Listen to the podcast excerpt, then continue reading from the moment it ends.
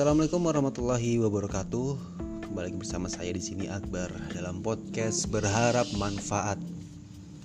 Bagaimana teman-teman sekalian? Kabarnya mudah-mudahan dalam keadaan sehat walafiat tanpa kekurangan apa pun, tetap bisa normal beraktivitas bersama saudara dan juga teman-teman yang lain. Dan juga kita tetap berjuang di sini menghadapi pandemi Covid-19 yang tidak kunjung usai Mudah-mudahan teman-teman sekalian diberikan kesehatan dan dijaga oleh dijaga oleh Allah dalam kondisi apa pun, keluarganya, teman-temannya, saudara-saudaranya, semuanya sampai uh, wabah ini usai. Dan sebelumnya saya juga mohon maaf nih teman-teman karena saya ini sedang berada di belakang rumah. Kalau teman-teman dengar suara-suara yang ada kayak teriakan-teriakan burung itu jelas banget karena di samping saya ada burung hantu yang dari habis maghrib sampai sekarang nggak hilang-hilang mudah-mudahan tidak mengganggu teman-teman sekalian untuk mendengarkan podcast kita hari ini ya.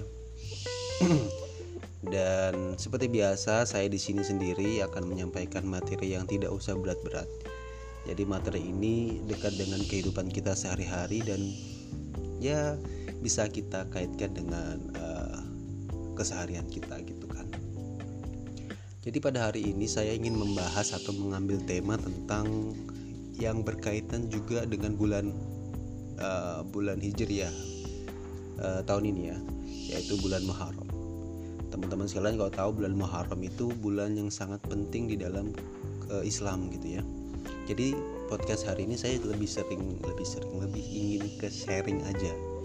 Lebih sharing aja tentang uh, sesuatu yang ada dalam kehidupan saya dan juga mungkin ada dalam kehidupan teman-teman atau ingin di um, dilakukan dalam kehidupan teman-teman sekalian. Nah, kembali lagi dalam bulan Muharram tadi itu itu erat sekali teman-teman sekalian dengan hijrah gitu ya. Maka tema hari ini saya akan mengambil tema hijrah. Jadi tema hijrah ini kan uh, relate sekali lah dengan keadaan kita yang sedang berhadapan dengan bulan Muharram yang juga sangat penting dalam Islam dan sejarah teman-teman sekalian mengatakan bahwa bulan ini juga adalah titik awal gitu ya bagaimana kaum muslimin itu hijrah dari Mekah ke Madinah. Dan FYI untuk teman-teman sekalian ketahui bahwa bulan Muharram ini dekat sekali dengan peristiwa hijrah Nabi Shallallahu Alaihi Wasallam dan para sahabat yang diinisiasi oleh sahabat Umar bin Khattab nanti kalau teman-teman sekalian punya kesempatan gitu ya untuk ngecek di buku atau literasi tentang sejarah ini monggo teman-teman bisa buka bagaimana luar biasanya um, peristiwa ini yang mengawali gitu ya titik awal dari penanggalan bulan Hijriah. Nah kemudian pas banget gitu loh kalau saya ngambil uh, tema ini kemudian sesuai dengan bulan Muharram ini saya mengangkat tema hijrah gitu kan. Nah hijrah ya teman-teman sekalian. Hijrah itu udah kata yang sudah tidak asing lagi lah di telinga kita. Apalagi kalau kita melihat belakangan ini ya animo anak muda saat ini tuh sudah semakin besar gitu ya menyadari akan perubahan. Perubahan apa gitu kan? Perubahan menuju yang lebih baik dari spektrumnya spektrum spiritualitas itu tentunya ya. Jadi ke ke hijrah ke agama gitu. Hijrah menuju ke Islam.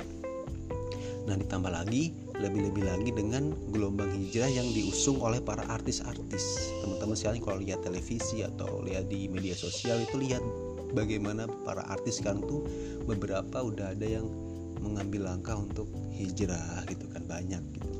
Yang tidak sedikit semakin banyak mengenal Islam dan lebih baik lagi. Kemudian banyak juga ustadz-ustadz yang mulai uh, mudah diterima oleh anak muda karena bahasannya atau tema-tema yang diambil itu sangat relate dengan uh, kondisi anak muda yang ingin hijrah gitu dan juga bukan hanya anak-anak muda juga ya bukan juga uh, para artis tapi juga beberapa kalangan seperti pengusaha kemudian para apa ya orang-orang ya kalangan lain lah yang sudah mulai ikut ikut berkecimpung dalam perubahan besar ini atau perubahan hijrah. Tentu teman-teman sekalian ini ada sebuah kabar positif gitu ya. Hal yang patut kita apresiasi dan kita juga patut bersyukur bahwa uh, hal ini sangat sangat baik gitu. Karena kita ketahui bahwa ketika Islam ini bisa menyebar ke mana-mana menyentuh setiap hati seorang manusia kemudian bareng-bareng berubah menjadi lebih baik itu artinya Islam ini sudah mulai mudah diterima dan um, kemajuannya semakin baik. Tetapi teman-teman sekalian saya tuh mengamati bahwa sebagian orang itu masih menganggap bahwa ketika orang itu hijrah itu adalah selalu dikaitkan dengan momentum dalam kehidupan. Jadi menganggap hijrah itu adalah momentum yang didapatkan kalau seseorang itu dalam kondisi yang sedang terpuruk. Kondisi yang sedang diberikan ujian besar oleh Allah atau sedang hilang arah dari hidupnya yang amat sangat membingungkan atau sangat jauh dari Allah gitu kan. Ada yang begitu? Ada. Ya ada aja ya. Karena uh, tentu sebagian orang mendapatkan hidayah dari Allah itu melalui jalan yang tidak selalu sama. Ada yang memang merasakan kepahitan hidup lebih dulu sehingga pada akhirnya ia menyadari kalau hijrah kepada Allah adalah jalan terakhir yang ia pilih. Ada juga yang apa yang dari masa lalunya tuh kelam gitu ya, lalu baru baru dapat klik gitu sama Allah ketika cahaya di dalam hatinya itu diberikan oleh Allah gitu kan. Kemudian dari yang dulunya kelam kehidupannya masih masih bebas masih ya masih suka foya-foya dan lain sebagainya berubah 180 derajat itu juga ada. Nah kemudian pertanyaannya apakah hijrah itu harus seperti itu posisinya? Apakah selalu seperti itu kondisinya? Nah begini teman-teman sekalian. Jadi kita perlu menyadari lebih dulu bahwa namanya hijrah itu adalah perubahan. Hijrah adalah perubahan. Hijrah itu adalah suatu perubahan ya. Dan mau tidak mau teman-teman sekalian yang namanya perubahan itu adalah sebuah keniscayaan. Bukan harus diawali dalam sebuah titik tertentu. Jadi sebuah perubahan itu adalah sesuatu yang niscaya. Akan pasti terjadi cepat ataupun lambat perubahan akan terjadi cepat ataupun lambat pasti terjadi. Nah, soal bicara perubahan ini, jadi kalau kita mau lihat secara general pun, bukan hanya konteksnya hijrah dalam agama, ini semua hal pun pasti berubah. Misal apa coba? Misal kita ambil contoh teknologi deh. Kita lihat teman-teman sekalian, misalnya bagaimana teman-teman melihat telepon genggam yang teman-teman akses setiap hari itu yang kita gunakan saat ini gitu kan amat berubah lah dibandingkan dengan era dahulu kala yang saat itu. Mungkin tidak memiliki tools sebagaimana seperti yang kita miliki saat ini. Yang sekarang kita punya kamera lah punya media sosial dan lain sebagainya ya. Nah kita semakin dimudahkan semakin dibuat efisien mengakses apa pun lewat gadget kita sendiri. Dan inilah sebenarnya teman-teman sebuah perubahan akan terus berkembang dan semakin baik, semakin baik dan terus menerus.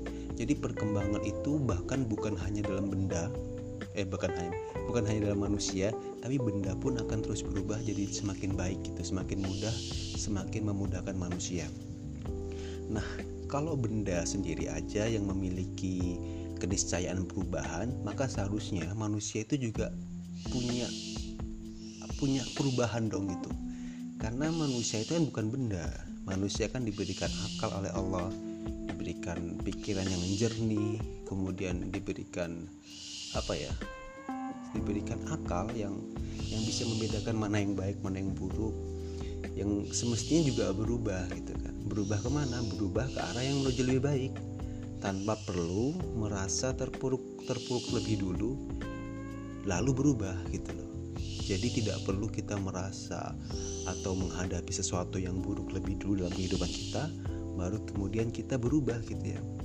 Nah, kita itu berubah dari kondisi apa? Kondisi yang lebih baik dari sebelumnya belum baik menuju kondisi yang lebih baik.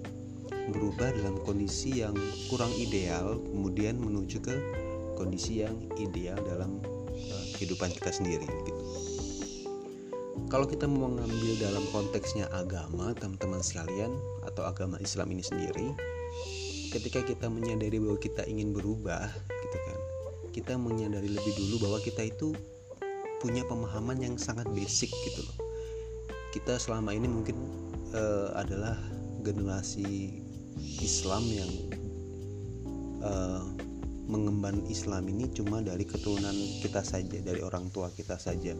Tapi kita tidak benar-benar mengetahui bahwa uh, Islam ini luas gitu. Islam ini banyak hal yang belum kita ketahui. Kita cuma punya basic knowledge aja soal Islam, misalnya cukup dengan melaksanakan sholat, puasa, haji dan lain sebagainya. Nah, ketika kita menyadari bahwa itu adalah hal yang sangat limit banget di dalam pengetahuan kita soal Islam, kita juga tuh harusnya menyadari kalau kita nggak boleh berhenti sampai situ gitu loh kita memiliki tanggung jawab karena Islam itu kan membawa sebuah konsekuensi ya. Kalau kita sudah mengemban satu satu agama satu keyakinan maka kita harus punya konsekuensi untuk belajar lebih dalam.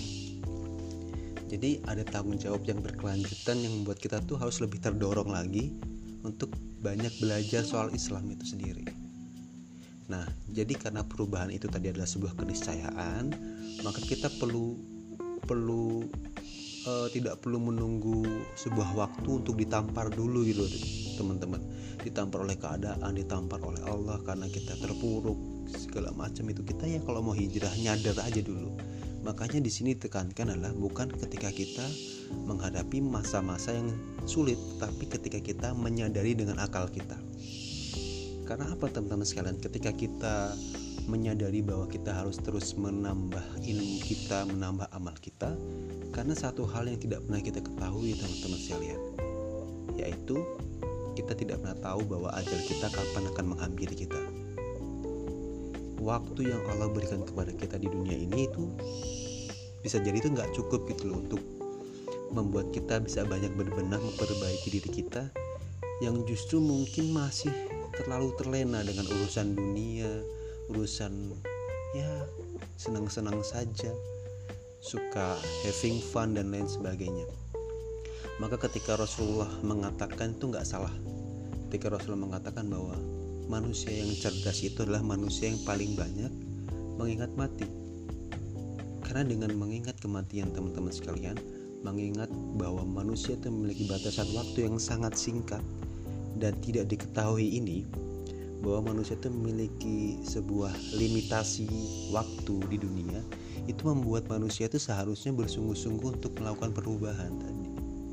Melakukan satu uh, keinginan untuk berubah untuk menjadi lebih baik. Benar kan? Bahwa kita itu seharusnya mau nggak mau perubahan itu harus kita lakukan. Karena kita nggak tahu kapan ajal kita terjadi. Nah kalau kita bicara soal perubahan itu tadi maka hal apa yang harus kita lakukan lebih dulu gitu kan? Nah hal pertama yang bisa kita lakukan adalah kita menanyakan lebih dulu. Menanyakan lebih dulu tentang hakikat diri kita. Menanyakan tentang siapa sih diri kita. Menanyakan tentang saya itu siapa gitu. Sebenarnya tuh kita tuh diciptakan Allah itu untuk apa sih gitu kan?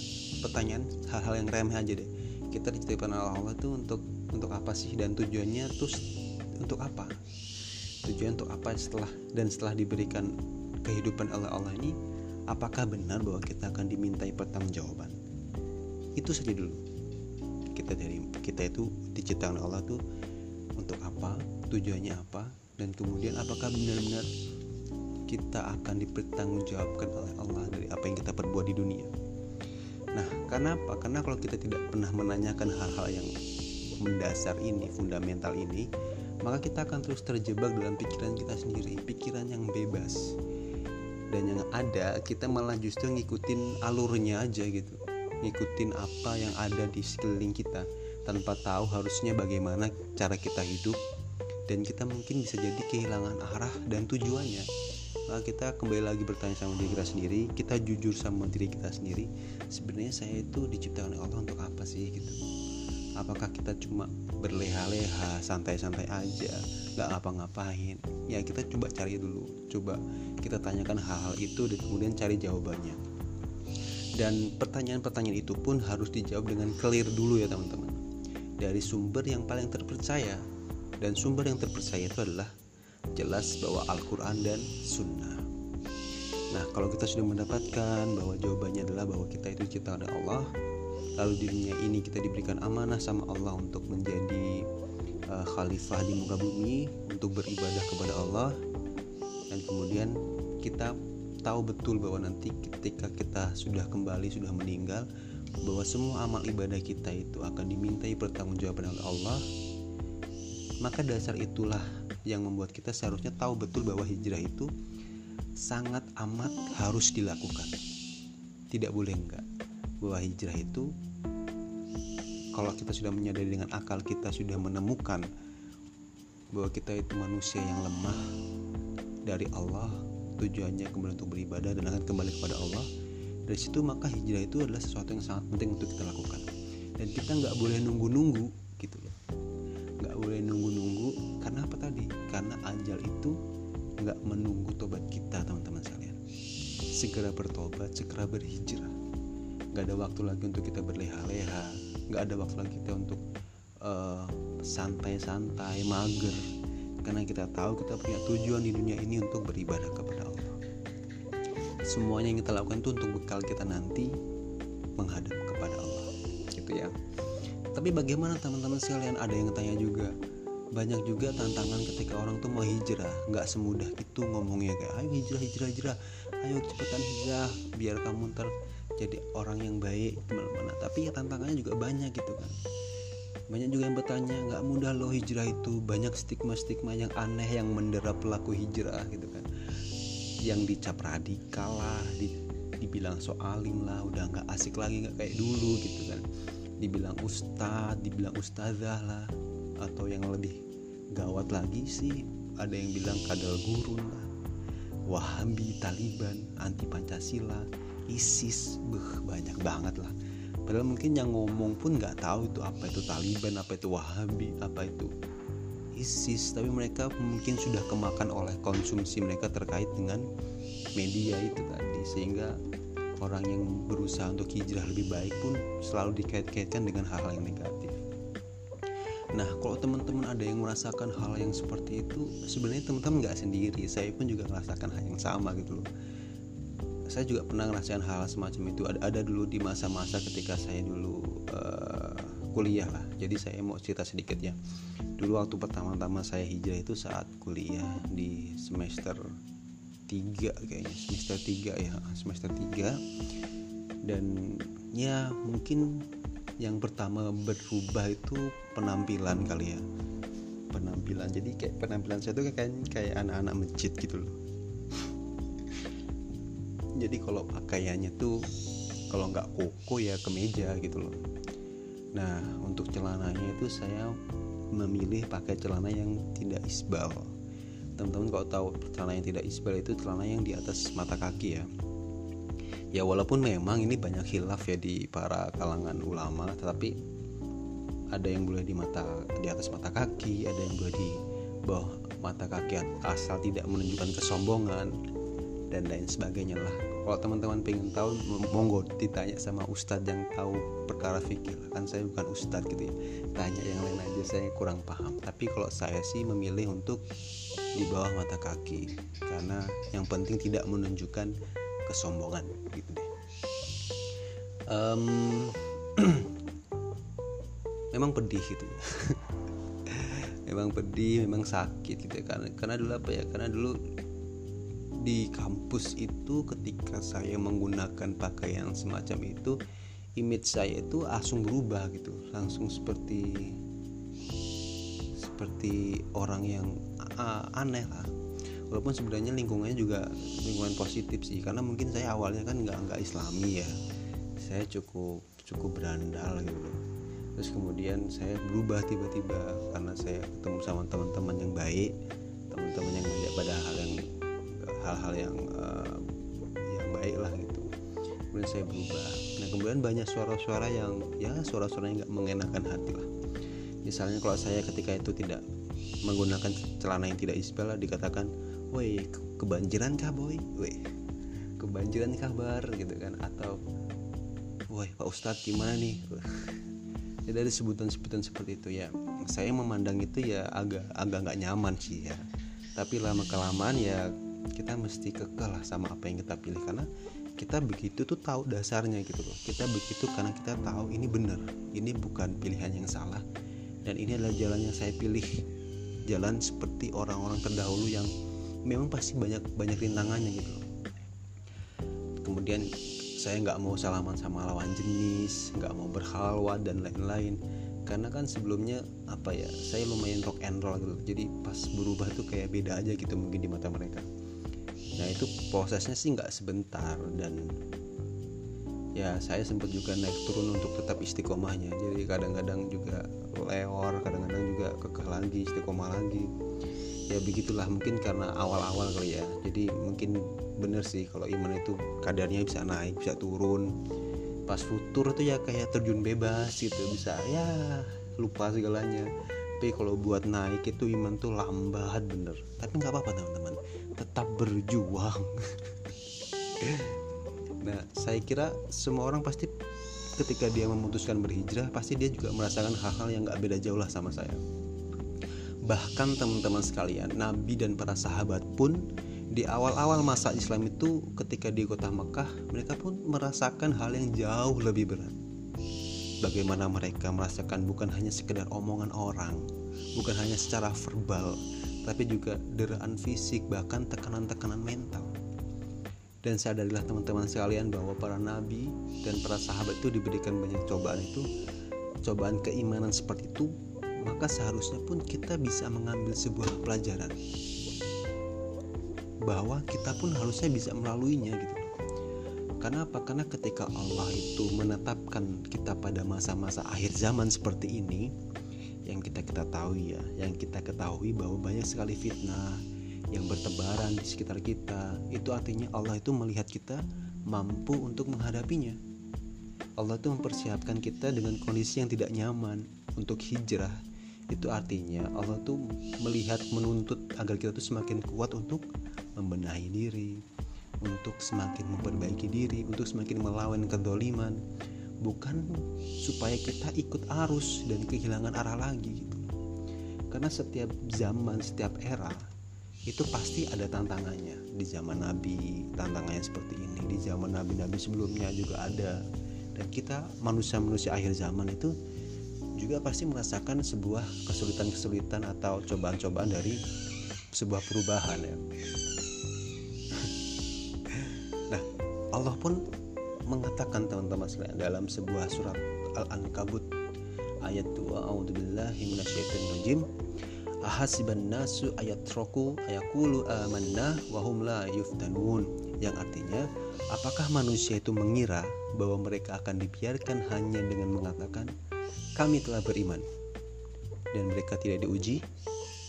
Tidak mungkin teman-teman sekalian kalau kita mengatakan bahwa kita saya beriman kok ya Allah. Eh gue beriman nih. Kita nggak mungkin hanya sebab itu. Allah tuh ingin melihat kita seberapa kuat kita ketika diuji apakah kamu tetap bisa mempertahankan keimanan kamu dengan dengan kalimat-kalimat kamu sendiri yang mengatakan bahwa kamu tuh beriman padahal kamu belum diuji. Ujian itu pasti ada. Itu pasti. Itu positif pasti ada. Itu konsekuensi positif dari keimanan dan Allah pun berfirman dalam surat Al-Baqarah ahasib ahasibatum atat antat jannah? Apakah kamu mengira bahwa kamu semua akan masuk surga? Walamma ya'tikum matalul ladina khalu min qablikum. Padahal belum datang kepada kamu cobaan seperti orang-orang sebelum kamu. Masat humul ba'sa wa wa zulzilu mereka ditimba kemelaratan penderitaan dan guncangan. Nah beberapa beberapa ulama itu mengatakan tentang baksa wa wa zulzilu ini kalau baksa itu lebih ke apa cobaan bersifat verbal, cobaan bersifat omongan orang yang seperti kita rasakan tadi ya.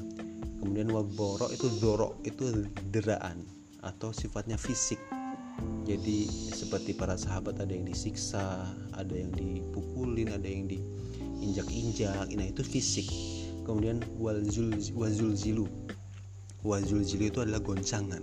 Jadi goncangan ini bukan hanya fisik tapi mental yang diserang itu bukan hanya fisiknya tetapi juga sesuatu yang paling disayangi oleh orang-orang yang diberikan ujian tadi itu misal seperti diuji diancam keluarganya diancam orang-orang paling dia sayangi kemudian uh, ya apa pun yang men menyiksa psikisnya gitu kemudian hatta yaqulu rasulu waladina amanu ma'ahu. Mata nasrullah sehingga Rasul dan orang-orang beriman bersamanya berkata kapankah datang pertolongan Allah?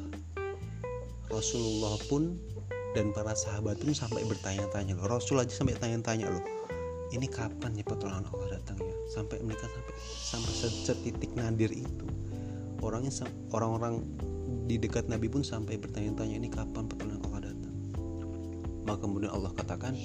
Ala innasrullahi qarib. Sesungguhnya pertolongan Allah itu dekat. Nah teman-teman coba bayangkan deh. Para generasi-generasi awal Islam saja ditimpa penderitaan yang begitu hebatnya. Apalagi kalau teman-teman tahu seperti kisahnya uh, seperti kisahnya Bilal bin Robah ya. Bagaimana bagaimana beliau itu radhiyallahu anhu diberikan penyiksaan yang menyakitkan ditimpa oleh batu yang besar dijemur diterik matahari dipukulin dicambuk dicemooh dan direndahkan karena dia adalah seorang budak oleh orang-orang Quraisy. Salah satunya adalah Abu Jahal gitu ya Abu Jahal atau Al Hakam gitu. Bagaimana beliau itu disiksa didera kemudian di apa namanya diberikan ancaman-ancaman bahwa dia akan dibunuh akan disiksa Rasulullah itu kan bukan hanya omongan orang tapi fisik juga kena kemudian mental juga kena. Ini tentu saja bukan bermaksud membandingkannya teman-teman sekalian. Bukan artinya ya kan beda lah masa nabi sama zaman sekarang coy. Masa ya kali mau dibeda masa disama-samain. Ya bukan di situ juga poinnya ya. Tapi kita coba ambil garis besarnya deh bahwa seharusnya kita pun harus punya ketahanan diri itu loh.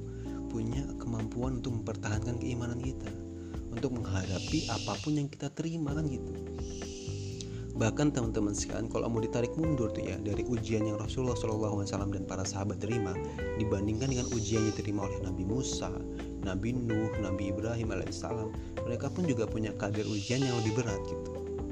Artinya apa? Artinya setiap zaman tuh memang punya kadar ujiannya masing-masing yang sesuai dengan yang Allah berikan. Tetapi kita harus yakin bahwa Allah menyampaikan la yukallifullahu nafsan illa usaha. Allah itu nggak akan kasih ujian kepada manusia itu melebihi batas kemampuannya gitu loh. Walaupun kita merasa nggak mampu walaupun kita merasa sakit tapi Allah tuh nggak mungkin ngasih kita sesuatu di, di luar batas kemampuan kita sendiri. So teman-teman ya so teman-teman sekalian jangan kita tuh merasa ujian kita tuh paling berat gitu. Jangan kita tuh ngerasa bahwa kita tuh paling tersiksa gitu. Kita tuh harus menyadari bahwa Allah tuh punya maksud baik kok dari apa pun yang kita hadapi sekarang pasti Allah tuh punya sesuatu yang baik untuk diri kita sendiri. Bahkan bahkan harusnya kita kita bersyukur lah bersyukur kalau kita masih di Indonesia. Ini masih sekedar diberikan ujian verbal gitu omongan orang. Coba kita bandingkan dengan saudara-saudara kita yang ada di Palestina yang ada di Suriah ada di Myanmar ada di Uyghur India dan di negeri-negeri muslimin lainnya yang saat ini sedang ditindas kondisinya kita mah apa sih? Kita mah apa tuh? Mereka tuh lebih besar ujiannya nggak ada apa-apanya sama kita. Sama sekali nggak ada apa-apanya. Ya masa sih teman-teman sekalian? Kita cuma diomongin orang langsung drop. Itu nggak nggak inilah nggak make sense lah. Nggak connect banget lah. Kita harusnya lebih bisa bertahan. Cuma diomongin orang tuh nggak ada apa-apanya. Nah jadi skupnya di situ ya. Jadi sakit hati oke okay lah. Nggak apa-apa dicipir oleh manusia nggak apa-apa. Tapi anggap aja itu itu tuh irama hijrah gitu loh pasti ada sakitnya ada nggak enaknya pasti ada. Tapi sakit-sakitnya sedikit nggak sedikit nggak ada masalah. Yang penting tujuan kita apa? Tujuan kita itu ingin lebih baik di hadapan Allah. Nah itulah yang namanya ujian teman-teman sekalian. Pasti setiap perubahan untuk menjadi lebih baik ada ujiannya. Kalau sekolah aja ada ujiannya ya kan? Untuk supaya kita naik derajat naik kelas ya pasti hidup juga pasti ada ujiannya lah teman-teman sekalian supaya derajat kita semakin baik semakin mantap terus sampai akhir hayat. Hidup itu pasti ada ujiannya lah. Kalau teman-teman nggak mau dapetin ujian mudah banget teman-teman saya. Ya udah nggak usah hidup. Jadi kalau nggak nggak mau dapetin ujian gampang nggak usah hidup. Yang namanya hidup tuh pasti ada ujiannya gitu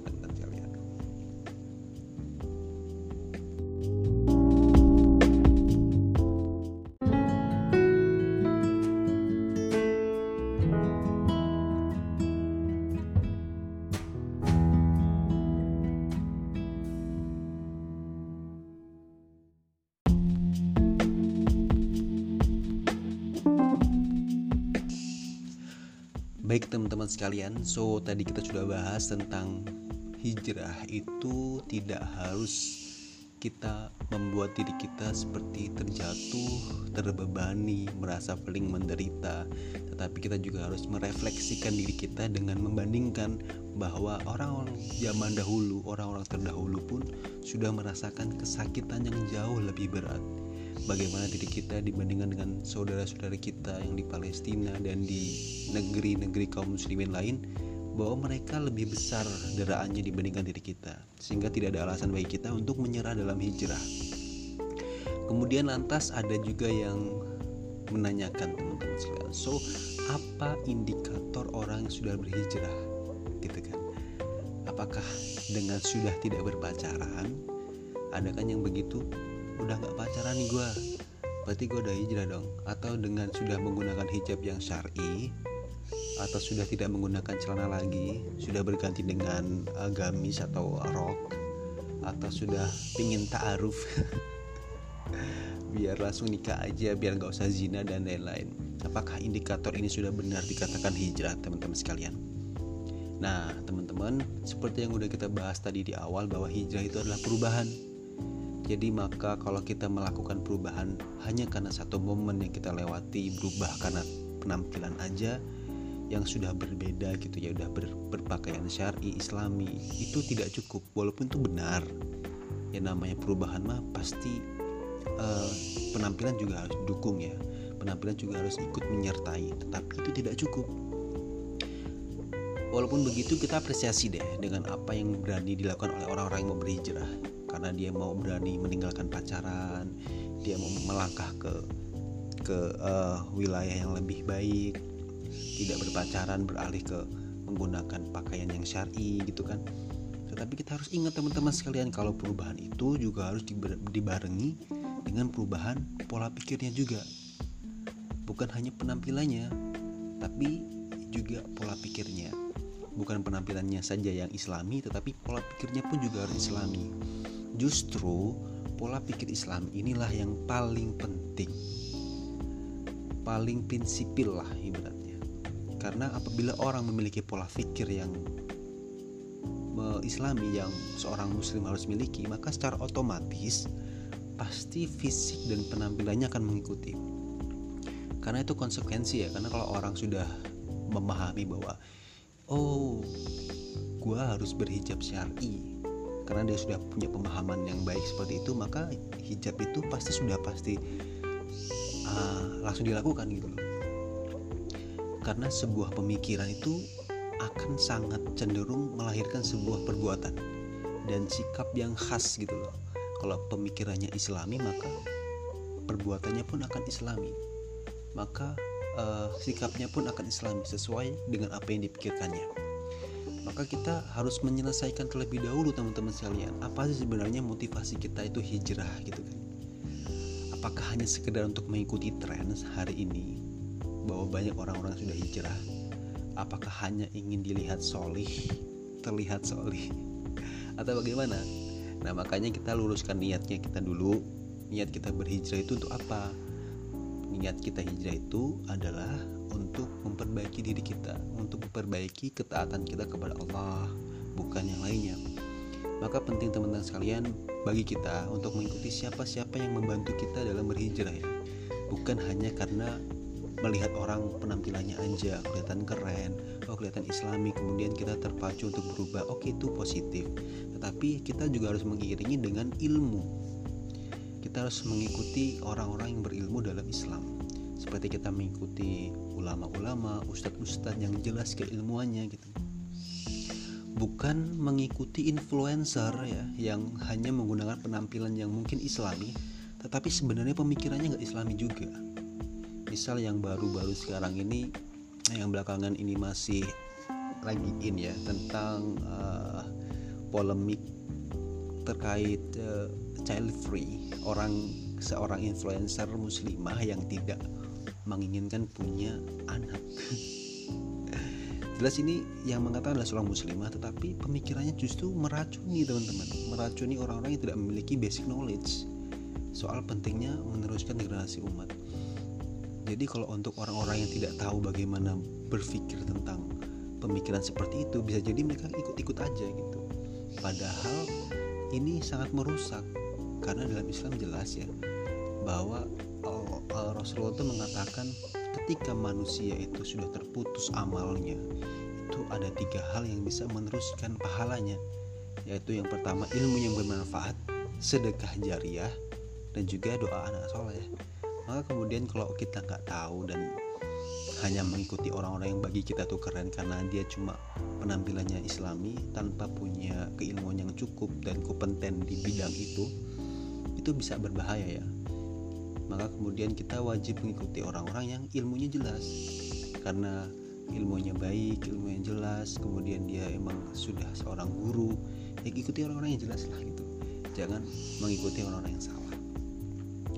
Nah kemudian setelah kita berusaha untuk berhijrah kemudian mencari guru-guru yang tepat mencari lingkungan yang baik kemudian bagaimana caranya kita istiqomah dalam hijrah? Nah ini yang paling penting teman-teman sekalian yang paling penting dalam hijrah supaya kita istiqomah adalah kita jangan lupa untuk terus melibatkan Allah kita selalu melibatkan Allah di dalamnya minta sama Allah agar kita dikuatkan dalam setiap langkah dan gerak ini gitu bahkan Rasul pun ketika dia menghadapi deraan dan semua cobaan ketika dia mendakwahkan Islam di Mekah, dia pun meminta pertolongan Allah untuk tetap mempertahankan keimanan, mempertahankan perjuangannya. Kalau Rasulullah pun meminta seorang nabi, maka kita pun harusnya seperti itu teman-teman sekalian. Kita jangan pernah merasa bahwa kita pasti bisa kok istiqomah gitu. Pasti bisa kok ngelalin semuanya. Jangan pernah merasa seperti itu. Kita terus bisa istiqomah karena kita juga harus meminta pertolongan dari Allah jangan merasa bisa hijrah istiqomah sendiri itu nggak mungkin kita harus ingat bahwa kita harus terus melibatkan Allah kemudian setelah kita menyelesaikan um, proses istiqomah dengan melibatkan Allah itu kan internal diri kita ya.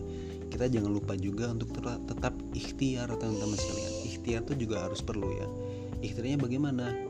Ikhtiar supaya kita terus bisa terpacu dalam berhijrah. Tetap terus bisa bersemangat untuk menambah menambah keistiqomahan dengan apa? Dengan dengan menambah ilmu kemudian menambah pemikiran kemudian memberikan booster-booster yang baik buat menaikkan iman dan lain sebagainya kemudian kita bisa juga mencari lingkungan pertemanan yang baik yang sefrekuensi yang mensupport dalam berhijrah. Karena nggak mau mau nggak mau teman-teman sekalian itu ngaruh banget sih. Kalau bagi saya pribadi itu ngaruh banget. Jadi kenapa ya? Karena kita pun yang sekarang kan hasil dari lingkungan kan. Lingkungan yang memberikan efek dari kita dan kita terbentuk seperti itu karena lingkungan juga. Maka dari situ lingkungan yang positif itu juga mengupayakan kita agar kita bisa memperbaiki diri kita lebih baik. Misal kita ikut rutin ikut kajian gitu kan ikut komunitas mengaji atau cari teman-teman yang memang sefrekuensi supaya kita terkondisikan teman-teman sekalian terkondisikan menjadi lebih baik supaya hijrah kita pun tidak sia-sia tidak kembali lagi pada kehidupan kita yang yang salah gitu ya. Maka um, hijrah ini adalah masalah yang sepatutnya kita pikirkan baik-baik dan yang paling penting bagi saya adalah hijrah itu bukan hanya dinilai dari satu start point jadi hijrah itu sebenarnya setiap hari teman-teman sekalian setiap hari, setiap menit, setiap detik hijrah itu adalah perubahan. Kalau kita merasa diri kita kok kayaknya gini-gini aja, kita harus melakukan hijrah lagi. Walaupun kita sudah mengklaim diri kita udah hijrah kok gitu, gue udah gak pacaran. Tapi kita setiap hari pun orang yang sudah mengatakan hijrah pun dia harus hijrah terus menerus. Dia melihat, mengkoreksi diri sendiri, kemudian memuhasabahi diri sendiri. Oh saya ada yang kurang nih, ibadah-ibadah saya kurang kurang rajin. Kayaknya saya kurang ini kurang ini. Itu kan juga hijrah. Kita mencoba untuk memperbaiki diri kita dari waktu ke waktu. Dan tidak usah rumit-rumit teman-teman sekalian. Nggak perlu hijrah itu langsung diinisiasi dengan saya mau hafal Quran 30 juz. Atau saya mau jadi ulama ya itu keren sih. Cuman kita bisa mulai dengan hal yang kecil aja deh.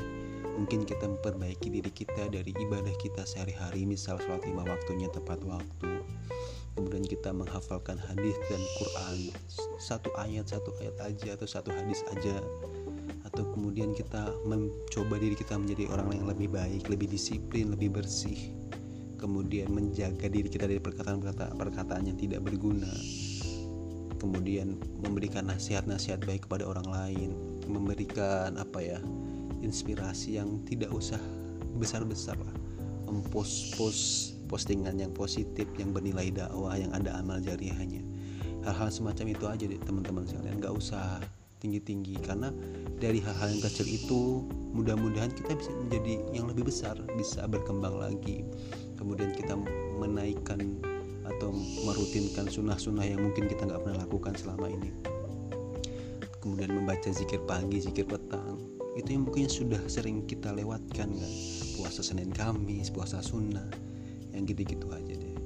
Nanti lama kelamaan kalau kita sudah terbiasa dengan kebaikan-kebaikan yang kecil yang remeh yang sederhana nanti lama-lama kita akan bisa terbiasa dengan kebiasaan-kebiasaan yang baik yang lebih besar lagi. So lebih dari itu teman-teman sekalian jangan juga hanya menjadi diri atau pribadi yang solih ya.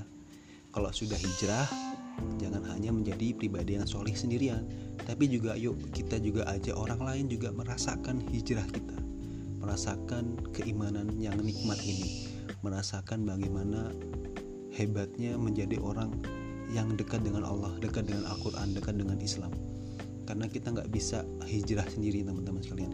Kita punya tanggung jawab juga untuk berdakwah. Dakwah itu kan wajib ya. Bukan punya kita sendiri tapi dakwah itu bukan bukan milik orang yang berilmu saja ustadz-ustadz tapi dakwah itu kewajiban semua kaum muslimin.